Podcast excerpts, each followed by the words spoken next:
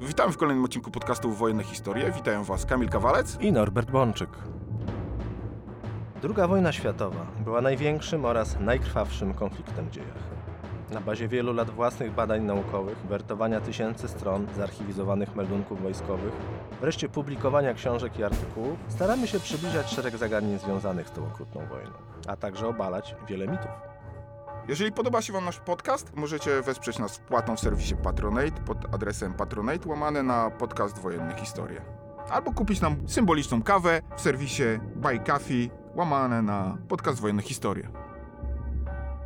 Norbert, rozmawialiśmy już o największej bitwie pancernej na ziemiach polskich, ale te wielkie starcie pancerne pod Warszawą to nie jest jedyna duża bitwa pancerna na ziemiach polskich. Równie duże i dramatyczne starcie rozegrało się w styczniu 1945 roku w rejonie Kielc. Mimo, że wzięły tam udział wielkie siły pancerne, niektórzy mówią, że nawet większe niż pod Warszawą, co zweryfikujemy na pewno podczas naszej rozmowy, ta bitwa w rejonie Kielc jest kompletnie zapomniana. No, nie funkcjonuje ona w takim powszechnym obiegu, kiedy mówimy o II wojnie na terenach polskich. Najpierw może opowiedzmy o tej bitwie, a potem spróbujmy się zastanowić, czemu tak się stało. Znaczy, może zacznę od tego, że jednak bitwa pancerna pod Warszawą na przełomie lipca i sierpnia 1944 roku, którą ja również czasem nazywam bitwą pancerną pod Okuniewem, jednak była bitwą większą. To znaczy siły zwłaszcza siły niemieckie, które wystąpiły w walkach pod Warszawą, były wyraźnie większe niż w roku 1945. W czasie bitwy, którą nazwijmy umownie bitwą pancerną pod Kielcami, chociaż w gruncie rzeczy ona toczyła się w rejonie Chmielnika, Morawicy, na południe od rzeki Czarna Nida, czyli na południe od Kielc, ale Kielce jako duże miasto chyba wydaje mi się, że będzie brzmiało to lepiej, bitwa pancerna pod Kielcami. Chciałbym, żebyśmy ostatecznie przesądzili i powiedzieli to jasno i wyraźnie, że jednak bitwa pancerna pod Warszawą była największą bitwą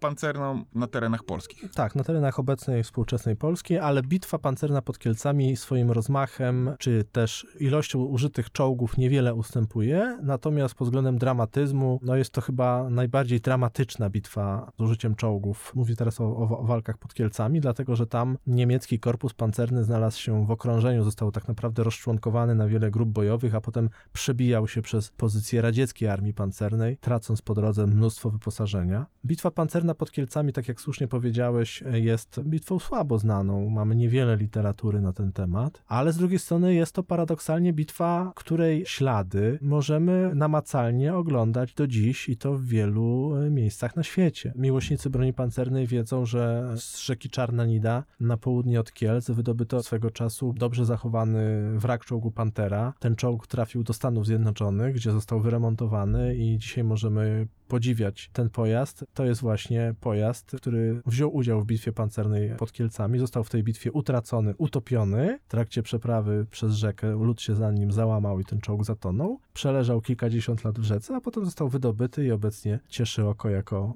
zabytek muzealny. Tak więc wymowne, bezpośrednie, fizycznie namacalne ślady bitwy pancernej pod Kielcami w 1945 roku możemy oglądać w muzeach, czy też nawet na piknikach i różnego rodzaju imprezach plenerowych po dziś dzień. Tradycyjnie zaczniemy od początku. Jak doszło do tej bitwy?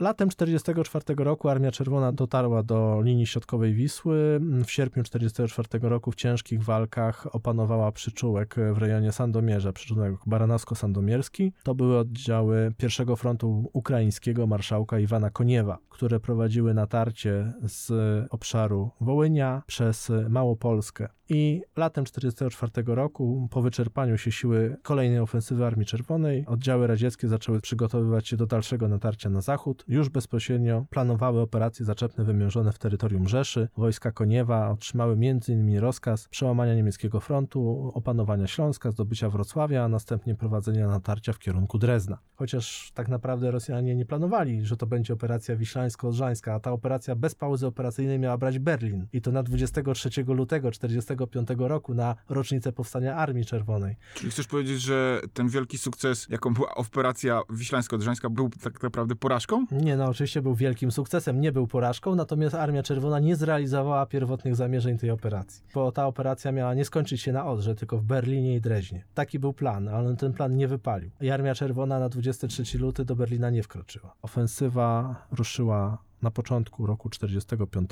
Pierwszy front ukraiński przeszedł do nowej ofensywy 12 stycznia 1945 roku. W ciągu kilku dni przełamał opór niemieckiej czwartej armii pancernej z grupy armii A wojsk niemieckich i 12 stycznia Rosjanie rozpoczynają ofensywę z przyczółka Baranowsko-Sandomierskiego, a już 16 stycznia są w Częstochowie, 18-19 stycznia opanowują Kraków. Na początku drugiej dekady stycznia, tak naprawdę w 10 dni docierają już do Odry na niemieckim Śląsku, więc z jednej strony mówimy o gwałtownej i bardzo szybkiej ofensywie wojsk Armii Czerwonej, a po drodze między 12 a 16 stycznia przez 5 dni na południe od Kielc toczy się dramatyczna bitwa pancerna pomiędzy nacierającymi oddziałami pierwszego frontu ukraińskiego, a broniącymi się Niemcami. Jeśli chodzi o aktorów tego starcia, to przede wszystkim po stronie Armii Czerwonej mamy czwartą armię pancerną generała Leluszenki. To jest bardzo doświadczony radziecki frontowiec, który już w roku 1941 pokazał, że jest y, zdolnym oficerem wojsk pancernych. W roku 1945 mamy go już jako dowódcę armii pancernej. Ona się składa zasadniczo z dwóch korpusów. Jednego korpusu pancernego, to jest 10 Korpus Pancerny Gwardii, jednego korpusu zmechanizowanego, szóstego. A jaka była różnica między korpusem zmechanizowanym a korpusem pancernym w Armii Czerwonej? No paradoksalnie korpus zmechanizowany w Armii Czerwonej w roku 1945 jest silniejszy niż korpus pancerny, dlatego że główną siłą w korpusie pancernym są czołgi. Mamy tam trzy brygady pancerne, brygadę strzelców zmotoryzowanych, to jest jakby kościec korpusu pancernego, to jest ponad 200 czołgów, kilkadziesiąt dział samobieżnych. Natomiast korpus zmechanizowany to mamy troszeczkę odwrotnie, mamy trzy brygady zmechanizowane i jedną brygadę pancerną, ale w brygadach zmechanizowanych są pułki czołgów. W związku z czym korpus zmechanizowany jako Związek Broni Połączonych jest bardziej uniwersalnym narzędziem walki, bo dysponuje nie tylko czołgami, ale dużą ilością piechoty zmotoryzowanej i wzmocnioną artylerią. Można go skutecznie użyć nawet do atakowania na przykład terenów zurbanizowanych, do czego nie za bardzo nadaje się korpus pancerny ze względu na niewielką liczbę piechoty. Korpus zmechanizowany jest tutaj bardziej wydajnym związkiem taktycznym. Więc generał Leluszenko ma te dwa korpusy, on naciera na prawym skrzydle, na lewym idzie jeszcze potężniejsza trzecia armia pancerna gwardii. Ona jakby częściowo bierze udział w bitwie. Głównym aktorem jednak e, po stronie radzieckiej jest ta czwarta armia pancerna. Te dwie radzieckie armie pancerne stanowią element potężnego tarana pierwszego frontu ukraińskiego, bo tam, jeżeli zobaczymy na te siły, które atakują, to tam i trzecia armia gwardii idzie, i 13 armia, i 52 armia, i piąta armia gwardyjska tam idzie. Mamy tam i czwarty, i 31, i 25 korpus pancerny Armii Czerwonej. To jest potężny taran. Marszałek Koniew ma w licznych armiach łącznie ponad milion żołnierzy, ponad 3000 czołgów i dział samobieżnych. To jest potężny walec, który atakuje Niemców. Po drugiej stronie mamy no, teoretycznie dwa korpusy pancerne, jeden tylko z nazwy, bo 48 Korpus Pancerny, on się składa z trzech dywizji piechoty, a głównym graczem w tej bitwie po stronie niemieckiej jest 24 Korpus Pancerny, bardzo ciekawy związek taktyczny. Dowodzi nim generał Walter Nering. Generał Walter Nering to jest człowiek takiego samego pokroju jak Guderian bo to jest jeden z ojców założycieli, twórców niemieckich wojsk pancernych. Nering nie zrobił takiej kariery jak Guderian, bo powiedzmy nie miał takiego parcia na szkło. Guderian był cholerykiem, który bardzo lubił chwalić się swoimi osiągnięciami i to dało mu sukces. Nering był znacznie bardziej powściągliwym człowiekiem, e, który tak bardzo nie promował własnej osoby, więc w roku 45 Guderian był już szefem sztabu generalnego wojsk lądowych, a Nering wciąż tylko dowódcą korpusu pancernego. No ale dowodzi tym 24 korpusem pancernym na początku 45 roku o bardzo ciekawej strukturze. To są przede wszystkim 16 i 17 dywizja pancerna, ale tam również mamy elementy 20 dywizji grenadierów pancernych i 24 korpus pancerny przeszedł reorganizację na przełomie 44 i 45 roku.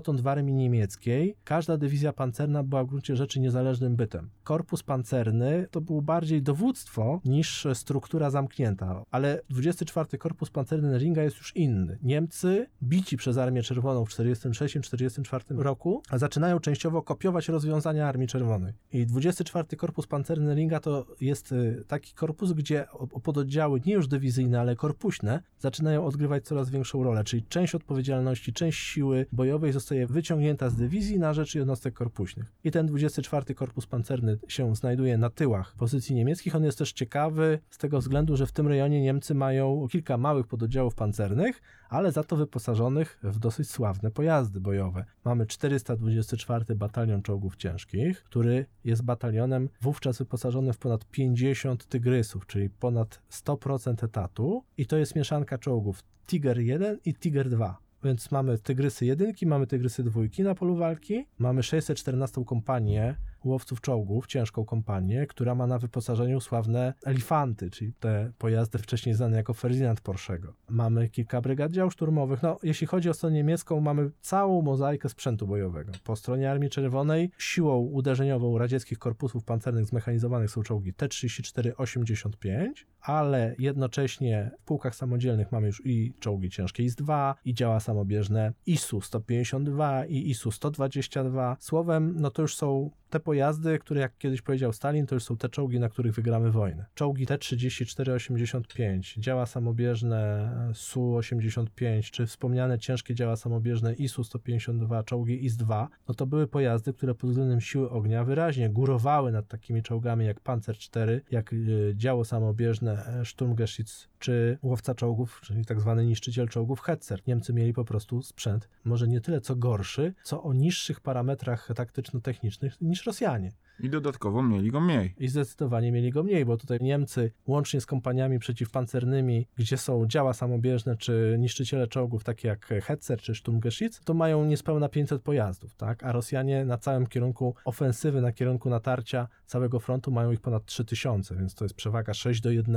Mm, Ale oczywiście nie wszystkie te pojazdy po prostu absolutnie wezmą udział w bitwie, dlatego mówiłem, że bitwa pancerna pod Warszawą była większa, bo jednak bitwa pancerna pod Kielcami to jest zasadniczo starcie czwartej Armii Pancernej po stronie pierwszego frontu ukraińskiego z 24 Korpusem Pancernym generała Neringa. Niemcy ponieśli w tej bitwie klęskę i w gruncie rzeczy na takim poziomie to była pierwsza taka klęska od początku wojny na wschodzie. Oczywiście wcześniej wiele niemieckich jednostek zostało w różny sposób czy w różnej formie pobitych na froncie wschodnim. Ale Kielce to była katastrofa dla 24 Korpusu generała Neringa. Ale ona wynikała z błędnych założeń przyjętych przed bitwą. Ponieważ jeżeli spojrzymy na kalendarz, no to mamy tak, 12 stycznia Rosjanie rozpoczynają natarcie, a 16 są już w Częstochowie. No to właściwie można powiedzieć, no gdzie tutaj bitwa? No po prostu przejechali ich walcem. Nie, tak to nie było. Niemcy nie dali się zniszczyć, ale ponieśli klęskę. 12 stycznia atakują dywizje strzeleckie przy potężnym wsparciu artyleryjskim, idą do natarcia Trzecia Armia Gwardii, 13 Armia, 52 Armia, 5 Armia Gwardii. One uderzają przede wszystkim w pozycję piechoty 48 Korpusu Pancernego. Który Ma trzy, dywizje, dy- ma trzy trzy- dywizje piechoty i ma w sumie... wbrew nazwie. Tak, i ma w sumie około 45 dział pancernych typu Hetzer czy Sturmgeschütz. Potężna ława oddziałów radzieckich atakuje 48 Korpus Pancerny. W ciągu 48 godzin przełamując y, pozycję tego korpusu, właściwie niszcząc go na linii rzeki Nidy. To jest istotny element, ponieważ to pozwoli pierwszemu frontowi ukraińskiemu rozpocząć natarcie w kierunku Śląska. Jest to początek załamania się niemieckiego frontu na linii Wisły. Czyli tak naprawdę w niemieckich liniach zostaje wyrwana wielka luka. Tak, ale Niemcy spodziewali się, że na przełomie 44 i 45 roku z linii rzeki Wisły oraz linii rzeki Narwi wyjdą potężne dalsze uderzenia Armii Czerwonej na zachód już w serce Rzeszy. Głównodowodzący na froncie wschodnim, generał Guderian, bo w armii niemieckiej było tak, że Hitler jako głównodowodzący i, OB, i OKW, czyli Oberkommando der Wehrmacht, czyli dowództwo Wehrmachtu, zarządzały wszystkimi frontami. Niemniej za dowodzenie na froncie wschodnim odpowiedzialne było dowództwo wojsk lądowych. W praktyce operację planował szef sztabu generalnego wojsk lądowych, w tym wypadku był to generał Guderian oraz jego bezpośredni przełożony, głównodowodzący wojsk lądowych, wówczas Adolf Hitler. Czyli jak wszystko u Niemców, dosyć mocno skomplikowane. Tak, dosyć mocno skomplikowane, ponieważ y, dowódcą wojsk lądowych był Hitler, jednocześnie Hitler był głównodowodzącym niemieckiej armii jako takiej, chociaż formalnie głównodowodzącym niemieckiej armii był marszałek Keitel, a na froncie wschodnim y, prawdziwym głównodowodzącym na spółkę z Hitlerem był Guderian. No tak, to było dosyć y, typowe dla Niemców y, skomplikowanie sytuacji. E, Nie gwarantowało sukcesu. Nie, nie gwarantowało sukcesu, to prawda. Natomiast Guderian, spodziewając się ofensywy Armii Czerwonej, tworzy relatywnie silne odwody. Znaczy w pasie kilku armii, drugiej armii na kierunku Narwi, dziewiątej armii na kierunku Warszawy, czy czwartej armii pancernej na kierunku właśnie, nazwijmy to częstochowskim czy, czy, czy małopolskim, każda z armii broniąca się na linii tych ważnych rzek otrzymuje korpus pancerny. Korpus pancerny, który ma służyć do kontrataków w przypadku przełamania pozycji piechoty. Ale Hitler stwierdza, że tak być nie może, żeby dowódca armii polowej bezpośrednio odpowiedzialnej na, na froncie za obronę mógł być dysponentem korpusu pancernego i zastrzega sobie prawo, że w gruncie rzeczy to dowództwo wojsk lądowych ma decydować o tych korpusach. Czyli te korpusy w zakresie kompetencji zostają wyłączone z bezpośredniego podporządkowania dowódcom armii polowych i można ich używać dopiero na wyraźny rozkaz Hitlera. A dlaczego tak było? Hitler uważał, że on będzie najlepiej e, decydował, e, kiedy i w jakim momencie należy użyć odwodów, gdyż po prostu się na tym miał znać. Lepiej niż dowódcy, którzy są na polu walki. Tak, to różniło Wehrmacht roku 45 od Wehrmachtu roku 39 czy 40. Kiedyś było tak, że Wehrmacht słynął z tego, że różni oficerowie na różnych szczeblach otrzymywali maksymalną swobodę ruchu, czyli wierzyło się oficerowi, że człowiek, który jest w danym miejscu, na danym stanowisku, najlepiej na tym stanowisku orientuje się, co ma zrobić. Dostawał ogólną wytyczną, otrzymywał szerokie kompetencje. Tak było na początku wojny i to dawało Niemcom zwycięstwa. I to tyczyło się dowódców na różnych szczeblach, od y, oficerów niższych po wysokiej rangą generałów czy nawet marszałków. Stopniowo, kiedy Niemcy zaczynali przegrywać wojnę, kierownictwo państwa, a zwłaszcza Hitler, zaczęło im tą wolność decyzji odbierać. I w roku 44 i 45 wiele decyzji zależało już osobiście od Hitlera, a nie od dowódców polowych. Ta patologia y, jest już dobrze widoczna w roku 44, chociażby w kontekście lądowania w Normandii, a ona pod koniec wojny jeszcze się pogłębiała. Hitler uważał, że otaczają go niekompetentni ludzie, dlatego przegrywamy i on w sumie najlepiej będzie decydował, co i jak użyć. Czyli tutaj na linii Wisły można powiedzieć, że doszło do już do pewnego kuriozum. To było kuriozum podwójne, dlatego że z jednej strony tak naprawdę Hitler odbiera w dużym zakresie możliwość e, używania odwodów w sposób elastyczny dowódcy na miejscu, ale z drugiej strony nakazuje przybliżenie odwodów operacyjnych jak najbliżej pierwszej linii frontu, czyli tej zasadniczej linii frontu. Wynikało to z tego, że wyciągnięto pewne wnioski z klęski armii niemieckiej na Białorusi w wyniku radzieckiej operacji Bagration. Uznano bowiem, że klęska ta wynikała z tego, że pozycje niemieckie zostały w wielu miejscach przełamane i nie dało się ich szybko zaryglować, czyli nie nastąpiły kontrataki dywizji pancernych, których tam na Białorusi wówczas nie było i to doprowadziło do klęski grupy Armii Środek latem 1944 roku na Białorusi. Niemcy uznali, że za klęskę odpowiada to, że nie było odwodów pancernych, korpusów pancernych, dywizji pancernych, które od razu nie kontratakowały i nie zaryglowały włamań przeciwnika. Niemcy uznali, że na linii Wisły bronić się będą w ten sposób, że natychmiast te korpusy muszą wejść do walki, kontratakować, a żeby zrobić to natychmiast, muszą być jak najbliżej pierwszej linii frontu. To był fatalny błąd. Ta koncepcja była fatalnie pomyślana i przyniosła bardzo złe rezultaty dla Niemców. Dlatego, że kiedy walec pierwszego frontu ukraińskiego ruszył do natarcia 12 stycznia 1945 roku, to po pierwsze już pierwszego dnia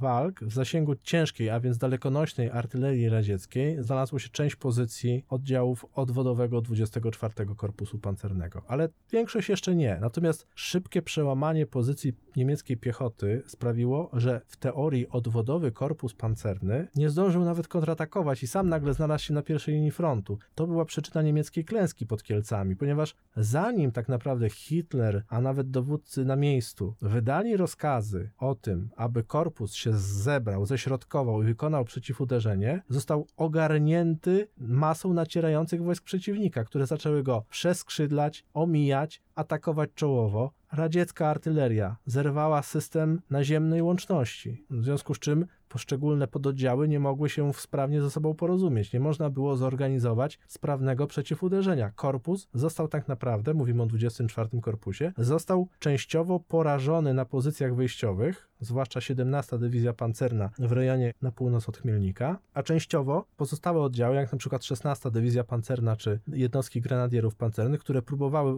włączały się do walki w niekorzystnej sytuacji taktycznej, już nie w warunkach, kiedy same przechodziły do spójnych kontrataków, tylko tylko kiedy przeciwnik przełamał się, obchodził, oskrzydlał, przenikał przez własne pozycje. Więc Niemcy znaleźli się właściwie od razu w ciągu 48 godzin, najpierw w półkotle, a potem w kotle. Jak bardzo to była zaskakująca sytuacja dla nich? To była dla nich sytuacja niezwykle dramatyczna, ponieważ nie mogli przeprowadzić sprawnego przeciwuderzenia, zamiast tego od razu sami musieli przejść do obrony, więc Niemcy nie mogli wykonać zgranego kontruderzenia związkami taktycznymi. Walki w pasie 24 Korpusu generała Neringa przerodziły się w serię lokalnych starć, gdzie Niemcy najpierw próbowali kontratakować, a potem w ogóle w walce musieli łączyć swoje pododdziały, aby związki taktyczne odzyskały spójność, a wkrótce okazało się jeszcze, że tak naprawdę muszą się przebijać przez przeważające siły przeciwnika. No, przebijanie się, wymuszony atak, wymuszane natarcie, gdzie nie można się cofnąć ponownie na pozycję wyjściową, tylko albo się przebijesz, albo zginiesz, zawsze jest bardzo ryzykowne i wiąże się z olbrzymimi stratami, bo nawet każda awaria, zepsuty czołg, transporter, który wjechał na minę, to wszystko musisz porzucić. Nie ma czasu już tego zabierać, holować, po prostu trzeba przebijać się na siłę przez pozycję przeciwnika, który cię oskrzydla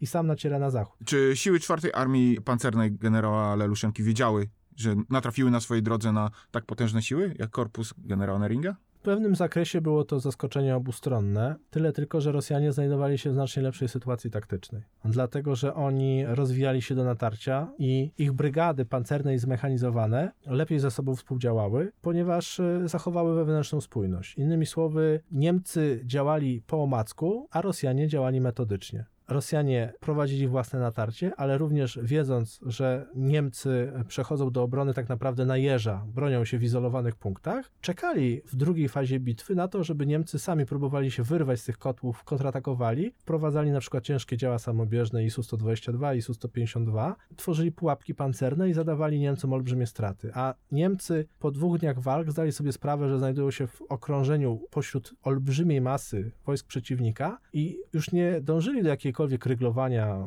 włamania czy kontrataku, tylko desperacko próbowali wyrwać się na północ. Na północ od rzeki Czarna Nida w kierunku na Kielce, aby zejść z głównej osi natarcia pierwszego frontu ukraińskiego, który nacierał bezpośrednio na zachód, a korpus Neringa zaczął wycofywać się na północ, czyli w kierunku na Kielce, na Skarżysko-Kamienną, aby wyrwać się w ogóle z tej, można by powiedzieć, fali natarcia Armii Czerwonej. W pewnym momencie zdali sobie sprawę, że bitwa jest przegrana, bo Niemcy nie tyle co próbowali w pewnym momencie kontratakować, co połączyć w ogóle 16 Dywizję Pancerną z 17 Dywizję Pancerną, bo one zostały rozdzielone. Na południe od 17 Dywizji Pancernej przetaczała się masa 3 Armii Pancernej Gwardii, a jednocześnie czołowo nacierały korpusy 4 Armii Pancernej, które rozdzieliły 16 Dywizję od 17 Dywizji Pancernej i zrobiły to tak skutecznie, że najpierw rozdzieliły obie dywizje od siebie, a potem po fazie ofensywnej przeszły do fazy defensywnej w ten sposób, że przygotowały pułapki przeciwpancerne, aby kontratakujących, a właściwie wyrywających się z kotła Niemców wybić w czasie tych niemieckich ataków desperackich. A jak przy takim chaotycznym boju sprawowały się wszystkie te najnowocześniejsze wozy bojowe po stronie niemieckiej? No w przypadku armii niemieckiej, no to wiadomo, że od razu ujawniły się wszystkie wady tych pojazdów, bo jeżeli walczysz w takich warunkach, no to naprawdę jest nerwowo czyli dociskasz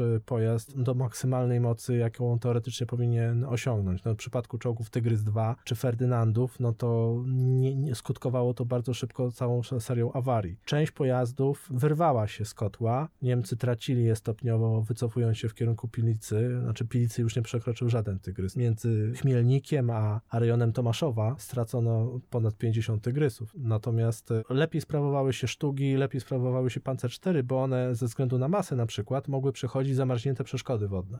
Czyli była zima, był umiarkowany mróz. Niemcy nie szukali mostów, tylko ewakuowali po prostu wojska tak, jak się dało. Czyli na przykład rzeka Czarna Nida stała się olbrzymim problemem, przeszkodą przeciwpancerną, bo Niemcy musieli się wycofać na północ. Transportery opancerzone, lżejsze czołgi przechodziły. Kiedy pojawiły się cięższe czołgi, lód się nad nimi załamał. Wiele panter na przykład zostało w ten sposób potopionych w rzece Czarna Nida, a kilka z nich potem leżało tam jeszcze kilkadziesiąt lat. Tygrysy zawiodły, to znaczy Tygrys 2 dysponował doskonałą armatą przeciwpancerną, ale jeden, dwa, trzy czołgi w danym miejscu, czy nawet kompania, kiedy przeciwnik atakuje cię przewagą, na przykład na kompanię naciera ekwiwalent trzech batalionów czołgów przeciwnika, no to i tak jest w tej sytuacji beznadziejnej, ponieważ przeciwnik ma przewagę ogniową, zaleje cię lawiną ognia. Nawet jeżeli ty wcześniej możesz otworzyć ogień do niego, to po prostu masz mniej luf. Oni mają miażdżącą przewagę liczebną i nawet jeżeli jeden, pierwszy, drugi, czy nawet piąty pocisk przeciwpancerny, który utkwi w pancerzu tygrysa, nie, nie doprowadzi do jego przebicia, spowoduje uszkodzenie czołgu, wyjście optyki, zepsucie się na przykład y, jakichś elementów mechanicznych, porażenie instalacji elektrycznej wewnątrz czołgu, bo trzeba pamiętać, że na przykład jest tak, że jeżeli pancerz y, wytrzyma, ale może nie wytrzymać system elektryczny w czołgu, czyli do, dojdzie do zwarcia. Przebicia nie było, a czołg nie nadaje się już do walki. 424 batalion został w ciągu kilku dni po prostu rozbity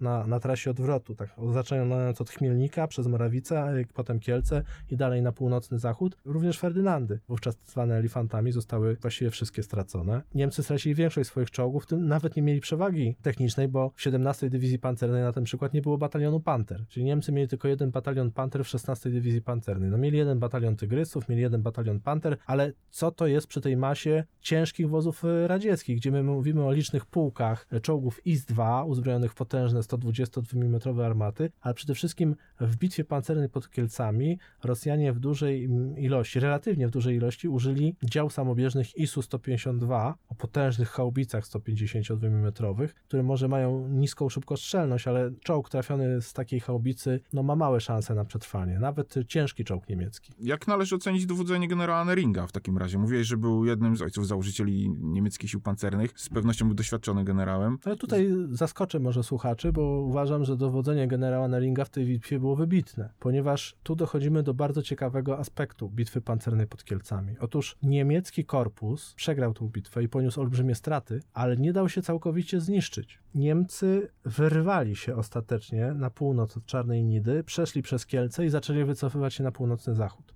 Pasie 4 Armii Pancernej był wspomniany 24 Korpus Pancerny, natomiast w pasie sąsiadującej na lewym skrzydle, czyli na północy, na kierunku warszawsko-radomskim, 9 Armii Niemieckiej, był drugi odwodowy niemiecki Korpus Pancerny o numerze 40. On się z kolei składał z 19 i 20 Dywizji Pancernej. Te dwa korpusy zaczęły się cofać jako wędrujące kotły w kierunku środkowej Pilicy, a potem dalej na zachód w kierunku Śląska. One się później połączyły i generał Nering wyprowadził swoich żołnierzy z Matni, to znaczy utworzono wędrujący kocioł, który cofał się przez środkową Polskę, a potem wycofał się w kierunku Kalisza, aż ostatecznie cofnął się za Odrę. I mimo tego, że ta olbrzymia masa, właściwie kilkunastu armii radzieckich przetoczyła się przez pozycję czwartej Armii Pancernej Niemieckiej, to ten 24 Korpus był jakby takim, można to porównać do skały oblanej przez morze. On przetrwał to pierwsze uderzenie, poniósł olbrzymie straty, bo 17 Dywizja Pancerna właściwie została zniszczona, znaczy straciła większość swojego sprzętu, ale część żołnierzy zdołała się wyrwać, połączyła się z 16 Dywizją Pancerną, z 20 Dywizją Grenadierów Pancernych i te siły zaczęły cofać się w kierunku Tomaszowa, zaczęły się cofać w kierunku północno-zachodnim. To się nazywa wędrujący kocioł. Dowództwo pierwszego frontu ukraińskiego odniosło przecież w styczniu 1945 roku bezapelacyjny sukces. Przełamało pozycje niemieckie i bardzo szybko osiągnęło rejon Śląska. Ale nie zniszczyło wędrującego kotła 24 Korpusu Pancernego i w dowództwie pierwszego frontu ukraińskiego wszczęto później śledztwo. Kto jest winien zaniedbań, że te oddziały niemieckie, które tak naprawdę złapaliśmy w kleszcze, poraziliśmy już w tych pierwszych dwóch, trzech dniach ofensywy, dlaczego one nie zostały zniszczone, tylko zdołały wyrwać się, cofając się na tyłach czołowych nacierających wojsk radzieckich, a to wynikało z przyjętej przez Rosjan taktyki walki. Przełamać front, i jak najszybciej pędzić na zachód. Nie dać Niemcom zajmować tyłowych pozycji. Nie pozwolić Niemcom zorganizować obrony na tyłach, nie pozwolić Niemcom zorganizować obrony Śląska, linii rzeki Odry. W związku z czym cel najważniejszy pędzić, pędzić i jeszcze raz pędzić na zachód. I to była dla Niemców szansa, ponieważ czołowe oddziały radzieckie, jeżeli napotkały twardy i długotrwały opór, a tak właśnie broniły się rozpaczliwie te dywizje pancerne pod Chmielnikiem, widząc, że walka będzie się przedłużać, rezygnowały z niej, zostawiały Niemców do zniszczenia kolejnym rzutom, a same kierowały się dalej na zachód. Niemcy często wykorzystywali ten moment, kiedy przeciwnik, z którym walczyli, jednak wolał kontynuować natarcie na zachód, a nie dobić ich na miejscu. Wyrywali się wówczas z kotła, łączyli większe zgrupowania, przebijali się na północ. I 24 Korpus Pancerny, co prawda kosztem właściwie strat całego sprzętu pancernego i motorowego i olbrzymich strat w ludziach, zdołał jednak wyrwać się na Śląsk i przebił się przez, przez tą lawinę wojsk pierwszego frontu ukraińskiego. Niemcy mieli o tyle trudną sytuację tocząc tą bitwę, że pod każdym względem znajdowali się w gorszej pozycji. Nie mieli przewagi liczebnej, przewagę liczebną miał przeciwnik. Sytuacja taktyczna działała na korzyść nieprzyjaciela, również ich czołgi, ich broń pancerna w gruncie rzeczy nie miała żadnej przewagi nad stroną radziecką. Rysuje się tu obraz naprawdę dużego, spektakularnego, dramatycznego starcia pancernego. Dlaczego ono nie funkcjonuje w naszej historii? Dlaczego jest zapomniane? Niemcy paradoksalnie napisali o tym wiele, ale w kontekście heroizmu, że się tak wyrażę, tych, którym udało się tę bitwę przeżyć. To znaczy odwrót wędrujących kotłów na tyłach Armii Czerwonej stanowi jakiś element tej historii narracji niemieckiej o ich klęsce, o ich ostatecznej klęsce w roku 45. I w jakimś zakresie ma pokazywać, że jednak mimo olbrzymich strat, mimo tak naprawdę wielkiej klęski, część tych żołnierzy przetrwała. Rosjanie z jednej strony w czwartej armii pancernej za bitwę pod Kielcami było bardzo wiele wyróżnień, bardzo wiele odznaczeń, ponieważ czołgiści, artylerzyści, piechota tej armii naprawdę odniosła niekwestionowany sukces. Ale z drugiej strony dla Rosjan ta bitwa miała słodko-gorzki smak, bo mając taką przewagę, nie zniszczyli całkowicie przeciwnika. E, 24 Korpus Pancerny został de facto rozbity, ale nie został zniszczony. I tak jak powiedziałem o tym śledztwie w dowództwie pierwszego frontu ukraińskiego, kto dopuścił do tego, że ten korpus zdołał wyrwać się i jednak do, do, dotrzeć do Odry, no to Rosjanie z jednej strony mieli powody do chwalenia się, a z drugiej strony mm, nie do końca byli usatysfakcjonowani rezultatami tej walki, no bo przeciwnik jednak nie został zniszczony. Bitwa pancerna pod Kielcami nie ma swojej monografii, takiej porządnej, prawdziwej monografii do dziś. Tym bardziej cieszę się, że w jakiś sposób my odkurzyliśmy ten temat. Także, Norbert, dziękuję Ci ślicznie za dzisiejszą rozmowę i do usłyszenia. Dziękuję bardzo. Dziękujemy za to, że byliście dzisiaj z nami. Czekamy na uwagi o tym odcinku zarówno na Facebooku, jak i na Instagramie, jak też i na YouTubie. Wszędzie tam możecie nas znaleźć, wpisując naszą nazwę, czyli Podcast Wojenne Historii. Dziękujemy Wam bardzo również za wsparcie, jakiego udzielacie nam w serwisie Patronate. To dla nas niesamowita sprawa i daje nam to niezwykłego kopa do dalszego działania. Bardzo za to dziękujemy i do usłyszenia do następnego odcinka.